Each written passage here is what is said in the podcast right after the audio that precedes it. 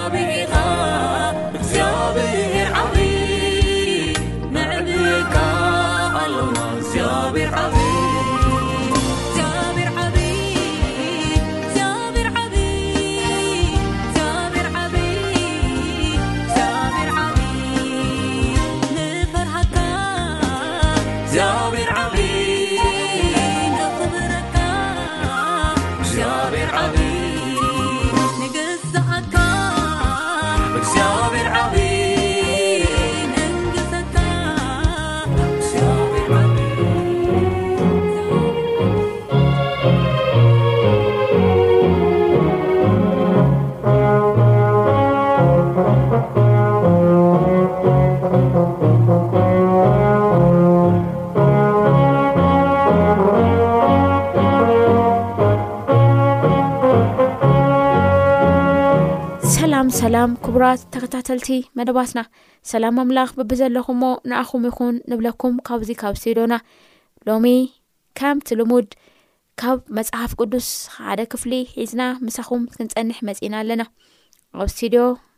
ኣነ ኣለኹ ከምኡ ከዓ ከም ተንክኔሻን ኮይኑ ሃውና እራና መልኣኹ ይሕግዘና እዩ ዘሎ እረና እግዚኣብሄር ይባርካ ንስኹም ከዓ እግዚኣብሄር ኣምላኽ ረድኡኩም ሓጊሱኩም ነዚ ግዜ እዚ ክቡር ግዜ ነዚ ዝተፎተየ ግዜ ምስ ኣምላኽና ክንገብር ፈቃድኩም ኮይኑ ሬድዮታትኩም ከፊትኩም ተድምጹና ስለ ዘለኹም እግዚኣብሔር ይባርኩም እሞ ክንቅጽል ኢና ንቅጽሎ ከኣ ፍሉጥ እዩ ወዶ ንምንታይሲ መጽሓፍ እያሱ ብቢ ሰሙኑ እናበልና ምዕራፍ ዓሰርተ በጺሕና ኢና ብዝሓለፈ ደው ዘበልና ምዕራፍ ዓሰርተ ሓደ ከኣ ዶማ ኣንተ ክንቅጽል ኢና እግዚኣብሔር ከኣ ካብዚ ሓሳብ እዚ ብዝበለጸ ከምህረና እዩ፣ ብሓለፋ ከምህረና እዩ፣ መንፈስ ቅዱስ ከኣ ከምህረና ሕጽር ዝበለ ጸሎት ንገብር። እግዚኣብሔር ጎይታ ሰራዊት ምሳና ስለ ዘለኻ ተመስገን። ናይ ልብና ጎይታ፣ ናይ ሓሳባትና ጎይታ፣ ናይ መንገድና ጎይታ እግዚኣብሔር ኣምላኽ ከም ሰብ ዘይኮንካ ከም ነገስታት ምድሪ ከም መራሕቲ ምድሪ ዘይኮንካ ከም እግዚኣብሔር ኣምላኽ ኩሉ ዝፈጠርካዩ ፍጡር ዘይኮንካ ፈጣሪ በይንኻ ሓላዊ በይንኻ ፈቃር በይንኻ ፀጋ ኣብ ልዕሊ ፀጋ ትህብ በይንኻ እግዚኣብሔር ሎሚ ዮ ቅድሜኻ ኣለና ብቃልካ ኣቢልካ ኣምሂረና ሰማዕቲ ኣብ ዘለዎ ቦታ እግዚኣብሔር ኣምላኽ እንተ ሰፈሮም እንተ ጸልመተ። መንገዶም ጎይታይ መዓረይ ጸላኢ ከጽልምት እንኳ እንተ ፈተነ። ኣቦ ብርሃናት ብርሃንካ ሒዝካ ኣብ ገዝኦም እተው። ኣብ ዘልዮም ዘበለ ብኣርካ ኣገልግል። ጭንቆም መከርኦም ስደቶም ስቃዮም ላዕልን ታሕትን ዝብልዎ መንገዲ ኩሉ ሪኢኻ ከምቲ ናትካ ፍቃድ እግዚኣብሔር ተዘከር ምሕረት ግበር። ተመስገን ስለ ኩሉ ነገር ብቃልካ ኣቢልካ ከኣ ምርሓና ብሽም ወድኻ ብየሱስ ክርስቶስ ኣሜን። ሕራይ ክቡራት ሰማዕትና እያሱ ምዕራፍ ዓሰርተ ሓደ ከምቲ ልሙድ ነንብቦ ኢና ንምንታይ ሲ እዚ ተፃሒፉ ዘሎ ነገር ምናልባት ኣብ መፅሓፍ ቅዱስና ሓደ ሓደ ግዜ እገለገለ ወለደ ካብኡ ከዓ ምዚ ኣብ ምድሪ ከም ዝኾነ ካብኡ ሞተ እገለገለ ወለደ ሞተ እናበለኳስ መፅሓፍ ቅዱስ ናይ ዝርዝር ናሰብ ውልደትና ሞት ማለት እዩ እሱ ዋላ ኣንቢብካ ሲ ትምህርቲ እኒኦዎ እዩ ሰብ ክንዳየናይ ኣብ ምድሪ ይነብር ካብኡ ከዓ ናብ ሞት መንገዱ ከም ዝኸድ ካብ ሞኳስ ንመሃር ኢና እግዚኣብሄር ኣምላኽ ለምህረና ነገር ኣሎ ሎሚ ከዓ እግዚኣብሄር ኣምላኽ ካብዚ ምህረና እዩ ስራሕ ኣምላኽ ንርእየሉ ግብርታት ኣምላኽ ንርእየሉ ምክንያቱም ምክንያቱ እንታይ ድዩ እቲ ዝነበረ እዩ ዝድገም ዘሎ ክብራ ሰማዕት እዩ ኣብዚ ምድሪ እቲ ዝኸውን ሀዚ ዝኸውን ዘሎ ነገር ኩሉ ዋይ እንታይ እዩ ዝንብሎ ነገር ተገሪምና ተደኒቕና ንሪኦ ነገር ኩሉ ሲ እቲ ዝነበረ እዩ ዝግበር ዘሎ ማለት እዩ እንደገና እቲ ዝነበረ እዩ ዝግበር ዘሎና ካብዚ ነገር እዚ ግን እቲ ዋና ነገር ዕብት እግዚኣብሄር ፀጋ እግዚኣብሄር ምሕረት እግዚኣብሄር ሓለዋት እግዚኣብሄር እግዚኣብሄር ኣምላኽ ሓያል ምዃኑን ስዕሩ ዘስዕረካ ዘስግረካ ኣምላኽ ምዃኑ ኢና ክንርኢ እሞ መፅሓፍ ቅዱስ ዘይብልና ዘይሓዝና እውን ስለ ንህሉ እቲ ሓሳብ ኣንቢብና ካብ እግዚኣብሄር ካብኡ ለምህረና ነገር ኢና ንመሃሃር ማለት እዩ ኰነ ኸኣ፣ ያቢን ንጉስ ሓጾር እዚ ምስ ሰምዐ፣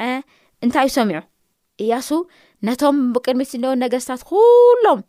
ምስ እቶም ጦርኛት እስራኤላውያን ብሓደ ዀይኑ እናሰዓረ እናዳዓኸ እናወደኦም ከም ዝሰምዑ ከም ዝመጽእሎ ሰሚዖም። ኮነ ኸዓ ያቢን ንጉስ ሓጾር ንጉስ ሓጾር ያቢን እዚ ይሰምሎ እዚ ምስ ሰምዐ ናብ ዮባብ ንጉስ መዶንን ናብ ንጉስ ሽምሮንን ናብ ንጉስ ኣከሻፋውያንን ናብቶም ብሰሜን ኣብ ኣክራን ኣብ ጎልጎል ብደቡብ ከነሮት ድማ ኣብ ቆላን ኣብ ምእራብ በረክስዶር ናብ ዝነብሩ ነገስታት ብምብራቅን ብምዕራብን ናብ ዝነብሩ ከነኣናውያን ናብ ኣሞራውያንን ሄታውያንን ፈረዛውያንን ኣብ ኣክራን ናብ ዝነብሩ ያቡሳውያንን ኣብ እግሪ ሄርሞን ኣብ ምድሪ ምጽፓ ናብ ዝነብሩ ሃዋውያንን ለኣኸ ንሳቶምን ኩሎም ሰራዊቶምን ምሳታቶም ከምቲ ኣብ ገምገም ባዕሪ ዘሎ ሑፃ ዝበዝሑ ብዙሓት ህዝቢ ምስ ኣዝዩ ብዙሕ ፈረስን ሰረገላን ወፁ እዞም ነገስታት እዚኣቶም ኩሎም ከዓ ተኣከቡ ምስ እስራኤል ክዋግኡ መፂኦም ድማ ኣብ ማይ መሮን ኣብ ሓደ ሰፈር ኣብ ሓደ ሰፈሩ እግዚኣብሄር ድማ ንእያሱ፣ ጽባሕ ከምዛ ግዜ እዚኣ፣ ኣነ ንዅሎም ቅቱላት ገይረ ኣብ ቅድሚ እስራኤል ኣሕልፈ ክህቦም እየ እሞ፣ ብእኦም ኣይትፍራህ። ኣፍራሶም ክትቅንጅብ፣ ሰረገላታቶም እውን ብሓዊ ክተንድድ ኢኻ በሎ። እያሱ ብዘሎ እቲ ተዋጋኣይ ህዝቢ ከኣ ምስኡ ኣብ ማይ መሮን መጺኡ ብድንገት ሓደጋ ወደቖም። እግዚኣብሄር ድማ ኣብ ኢድ እስራኤላውያን ሃቦም እሞ፣ ወቕዕዎም። ክሳዕ እታ ዓባይ ሲዶንን ክሳዕ መስረፎት ማይ ድማ ብሸነክ ምብራቃውያን ክሳዕ እታ ምጽፋ ሰጎግዎም፣ ሓደ እኳ ከየስርፉሎም ቀተልዎም። እያሱ ድማ ከምቲ እግዚኣብሔር ዝበሎ ገበሮም፣ ኣፍራሶም ቀንጀበ፣ ሰረገላታቶም እውን ብሓዊ ኣንደደ። ሓጾር ድማ ነዘን ኩለን መንግስታት እዚኣተን ቀደም ርእሲ ከተመኣን ነበረት እሞ፣ እያሱ በታ ግዜ እቲኣ ተመሊሱ ንሓጾር ሓዛ፣ ንጉሳ ኸኣ ሰየፎ። ኣብኣ ንዘለዉ ኩሎም ነፍሳት ብስሕለት ሰይፊ ወቂዑ ፈጺሙ ኣጥፍኦም፣ ትንፋስ ዘላቶ ሓደ እኳ ኣያትረፈን፣ ንሓጹር እውን ብሓዊ ኣንደደ። እያሱ ድማ ንዅሉ ከተማታት እዞም ነገስታት እዚኣቶም ንኵሎም ነገስታትን ሓዘ፣ ከምቲ ሙሴ ባርያ እግዚኣብሄር ዝኣዘዞ ከኣ ብዝሕለት ሰይፊ ወቒዑ ፈጺሙ ኣጥፍኦም። ብጀካ እታ እያሱ ዘንደዳ ሓጾር ጥራህ፣ እስራኤል ነተን ኣብ ኵርባታት ዘለዋ ከተማታት ኣያንደደን። ኵሉ ምርኮ እዘን ከተማታት እዚኤን ማልን ደቂ እስራኤል ንርእሶም ማረኽዎ፣ ንኵሉ ሰብ ግና ክሳዕ ዘጥፍእዎ ብዝሕለት ሰይፊ ቀተልዎም። ትንፋስ ዘላቶ ሓደ እኳ ኣይተረፉን። ከምቲ እግዚኣብሄር ንሙሴ ባርይኡ ዝኣዘዞ፣ ከምኡ ሙሴ ንእያሱ ኣዘዞ። እያሱ እውን ከምኡ ገበረ። ንሱ ካብቲ እግዚኣብሄር ንሙሴ ዝኣዘዞ ኩሉ ሓደ ነገር እኳ ኣይሓደገን። እያሱ ከኣ ናብ ዘላ እታ ሃገር ምድሪ ኣክራንን ኩሉ ደቡብን፣ ብዘላ ምድሪ ጌሸንን ቆላን ጎልጎልን ኣክራንን እስራኤልን ቆልዑን ሃዘ።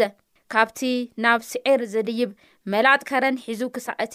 ኣብ ጐልጐል ሊባኖስ ኣብ እግሪ ሄርሞን ዘሎ በዓል ጋድ ንዅሎም ነገስታቶም ኃዘ፣ ወቒዑ ድማ ቀተሎም። እያሱ ምስዞም ኵሎም ነገስታት እዚኣቶም ነዊሕ ዘመን ተዋግአ፣ ብጀካ እቶም ኣብ ጊብዖን ዚነብሩ ሃዋውያንሲ ምስ እስራኤል እተዓርቀት ከተማ ኣይነበረትን። ንኵለን ተዋጊኦም ኃዝወን፣ ምእንቲ ፈጺሙ ኬጥፍኦም እሞ ምሕረት ከይረኽቡ። ከምቲ እግዚኣብሄር ንሙሴ ዝኣዘዞ፣ ምእንቲ ከጥፍኦም ምስ ደቂ እስራኤል ክዋግኡ፣ ምትራር ልቦም ካብ እግዚኣብሄር ኰነ። በታ ግዜ እቲኣ እያሱ መጺኡ ነቶም ኣናቃውያን ካብ ኣኽራን፣ ካብ ከብሮን፣ ካብ ደብሪ፣ ካብ ኣናብ ድማ ካብ ብዘሎ ኣኽራን ይሁዳን ካብ ብዘሎ ኣኽራን እስራኤልን ኣጥፍኦም። እያሱ ፈጺሙ ምስ ከተማታቶም ኣጥፍኦም። ኣብ ሃገረ ደቂ እስራኤል ገለ ኣናቃውያን ኣይተረፉን። ኣብ ጋዛን ኣብ ጋትን ኣብ ኣሽዶድን ጥራይ ተረፉ። ከምኡ ድማ እያሱ ከምቲ እግዚኣብሄር ንሙሴ ዝተዛረቦ ኵሉ ነብ ሃገራ ሐዛ። እያሱ ድማ ንእስራኤል ከከም ክፍሎም ከከም ነገዶም ርስቲ ሃቦም። እታ ሃገር ድማ ካብ ውግእ ዐረፈት ይብለና። ኣሜን ዕረፍቲ ይኾነና ዕረፍቲ ጎይታና መድኃኒና ኢየሱስ ክርስቶስ። እሞ ዝኸበርኩም ሰማዕቲ ካብዚ ምዕራፍ እዚ እግዚኣብሔር ዝዓማእ ዘምህረና ሰለስተ ነገራት ኣሎ ኣሕፅራ ኣሕፅር ኣቢልና ነዚ ክንርኢና እያሱ ምዕራፍ ዓስርተ ሓደ ፍቕዲ ዓስርተ ክልተ ክንርኢ ከለና ከምዚ ይብል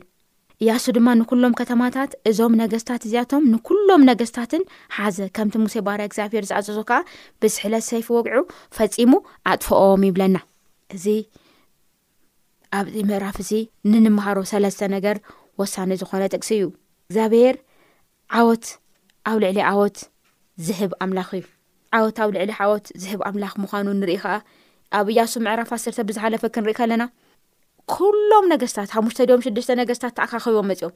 እዚኦም ከዓ በቃ ጎግማንጉግ ነገስታት ጥራሕ ይኮኑ ነገዳት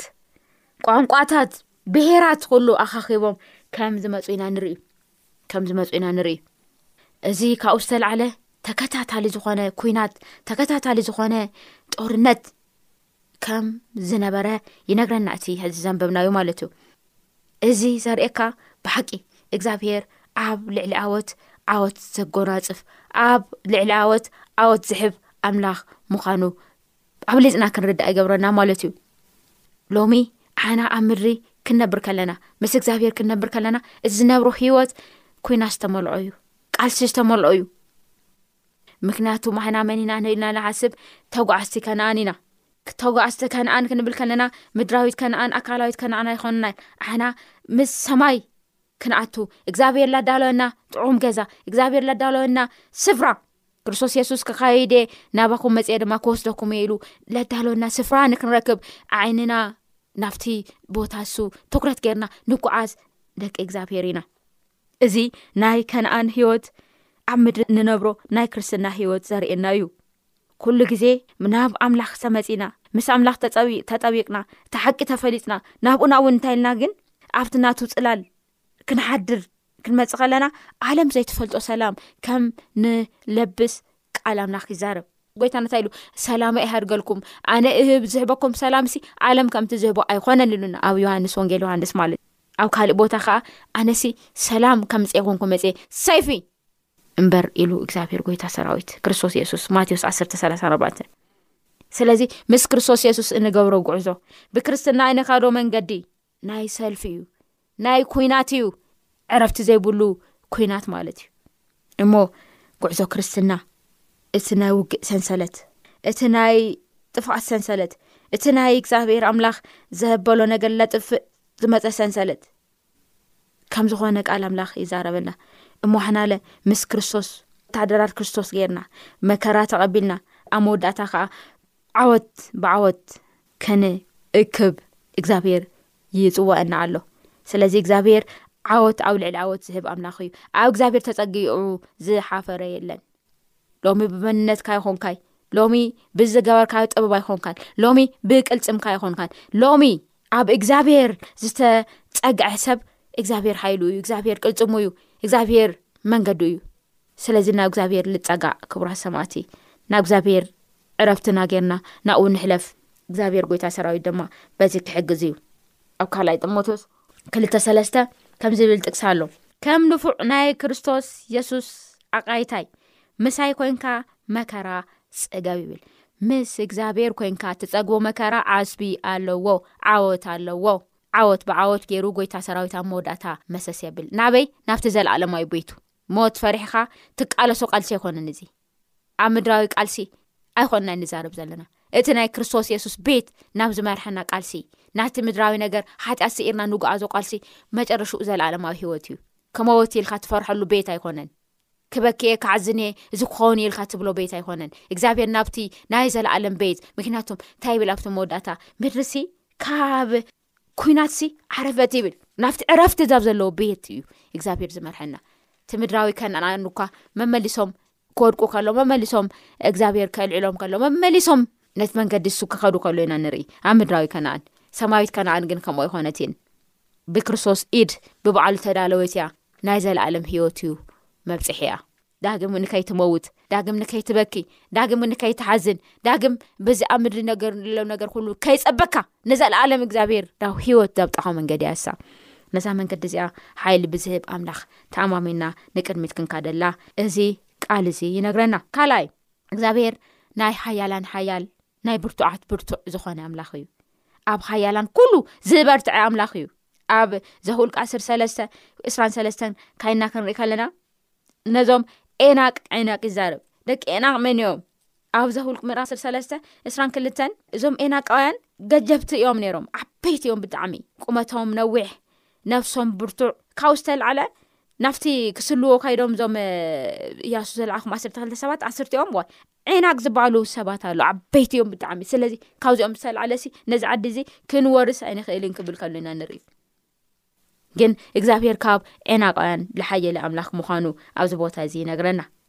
ናብ እያሱ ምዕራፍ ዓሰርተ ሓደ ንኸድ እንታይ ብል ዓናቃውያን ዝበሃሉ እዞም ሰሰተ እስራን ሓደን ንና ነከር በታ ግዜ እቲኣ እያሱ መፅኡ ነቶም ዓናቃውያን ካብ ኣክራን ካብ ከብሮን ካብ ደብር ካብ ዓናብ ድማ ብዘሎ ኣክራን ይሁዳን ካብ ዘሎ ኣክራን እስራኤልን ኣጥፈኦም ይብል ዕናቃውያን ከም ዝጠፍኡ ኢና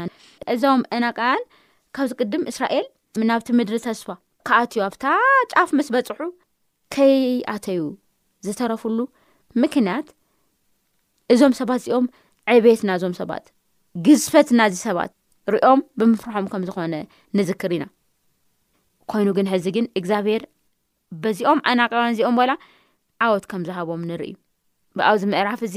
ንፅል ኢሎም ዓናቃውያን ክተቐተሉ ኢሉ ይነግረና ማለት እዩ ንምንታይ እዩ ከምኡ ተባሂሉ ተፃሒፉ ኣብ ቅድሚ እግዚኣብሄር ዘይምብርከኽ ሓያል ብርቱዕ ፅኑዕ ዝኾነ ሰብ ከምዘየለ ክንገር ከም ዝግባእ ማለት እዩ እግዚኣብሄር ሓያል ሓያላን ሓያል ከም ዝኾነ ከርኢ ነዞም ዕናቃውያን ኣብዚ ከም ዘምፀኦም ኢና ነይሩ ሕና ከዓ ምስ ሓጢኣትን ምስ ሓይልታት ፀልማት ኣብ ንገብሮ ቃልሲ ኣብ ንገብሮ ውግእ ንእግዚኣብሄር ክንእዘዝ ንእግዚኣብሄር ክንሰምዕ ንእግዚኣብሄር በቲ ልብለና ክንምራሕ ግድን እዩ ማለት እዩ እያሱ ቁፅሪ ዓሰርተ ክልተ ክንሪኢ ከለና ኣንተሎ ኣንበብናዮ ዓሰርተ ሓደ ዓሰርተ ክልተ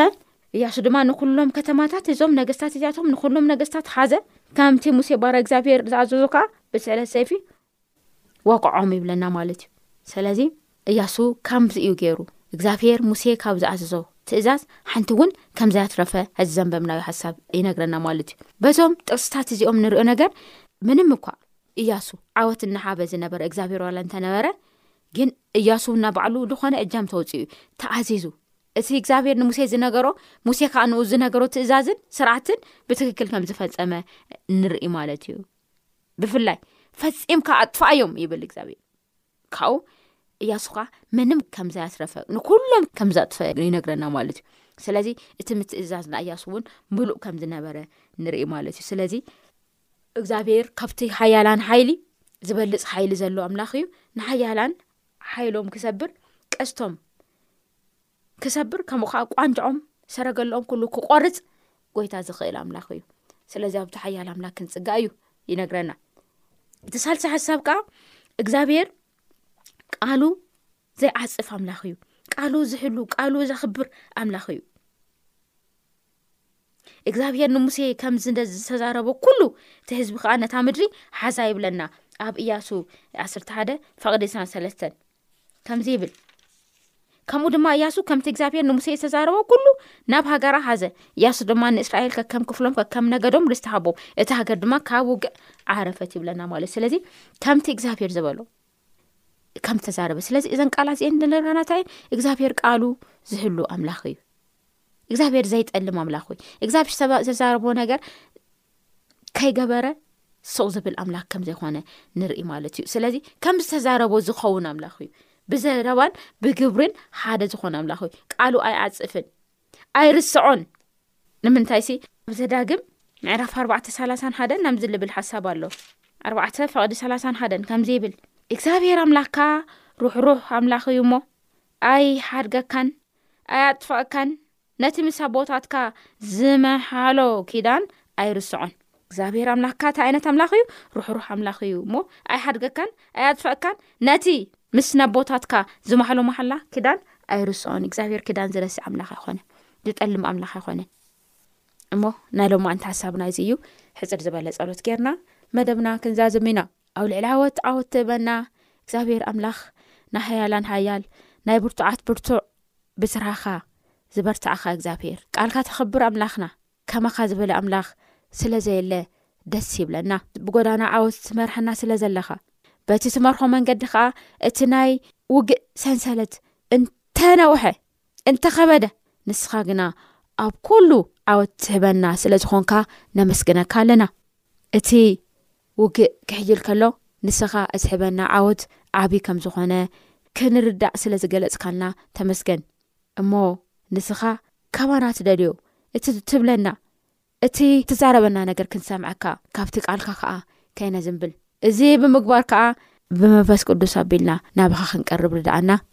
ምሳና ኹን ብሽም ወድኻ ብየሱስ ክርስቶስ ኣሜን።